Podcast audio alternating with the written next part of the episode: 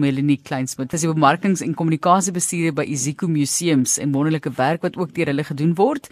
Werkswinkels spesifiek vir beroepe in die bedryf en vakansieprogramme wat dan nou geskeduleer is. Ongelukkig is dit gekanselleer, maar ons wil graag hoor watter tipe van beroepe julle van praat Melody. Baie dankie. Welkom.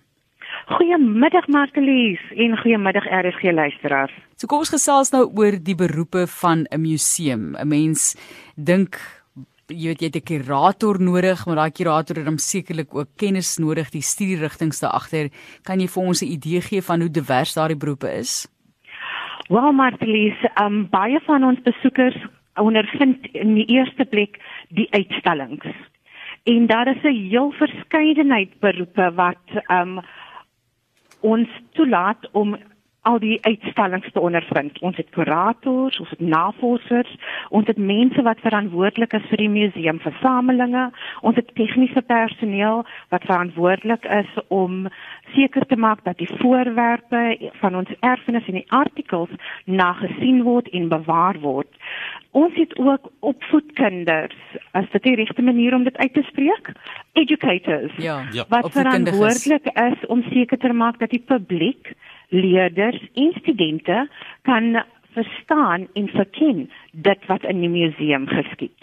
So die die rede waarom ons hierdie beroeps ehm um, werkswinkel oor 'n tydperk van 3 dae sou gehou het, is om leerders wat in die hoërskool is bloot te stel aan die verskeidenheid beroepe wat in die museum plaasvind. Gaan 'n mens na skool in 'n spesifieke rigting studeer of is daar verskillende tersiêre opleidingsmoontlikhede?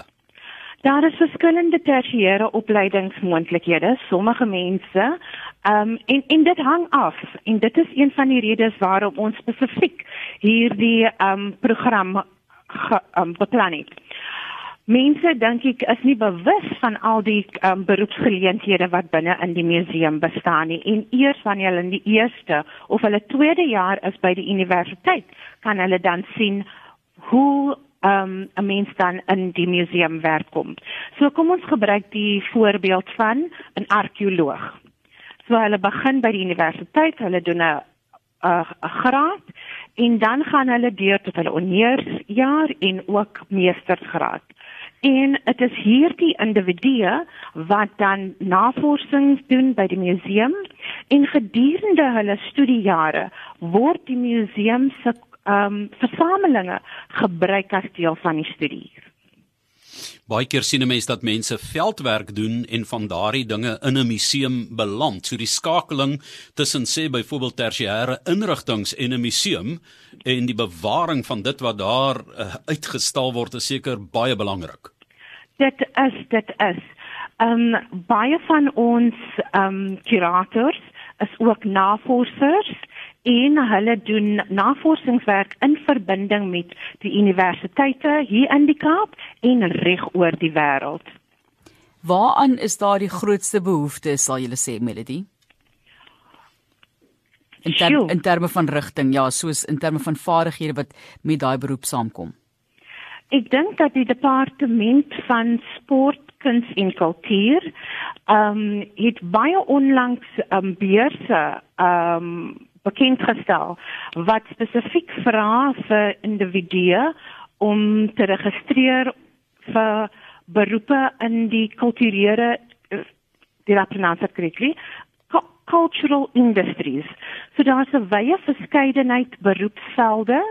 Ehm um, wat hulle na soek, maar ook spesifiek ehm um, in die kunste, die natuurlike wetenskappe as ook sosiale wetenskappe. So dit is geskiedenis. Ehm um, anthropology. Ek kan nou nie Ja, antra ja, antropologie. Ja. Antropologie. Ja, selfde ding. Ons kom by dieselfde ding uit daar.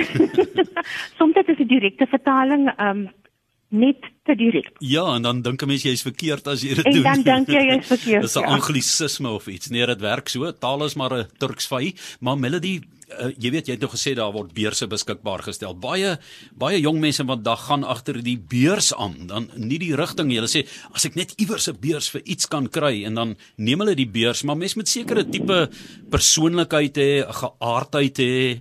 'n aanleg hê om daardie goed te doen. Sê vir ons 'n bietjie uh, vanuit jou perspektief. Jy werk daar. Um, uh, so jy's bemarkings en kommunikasiebestuurder by Aziko Museums.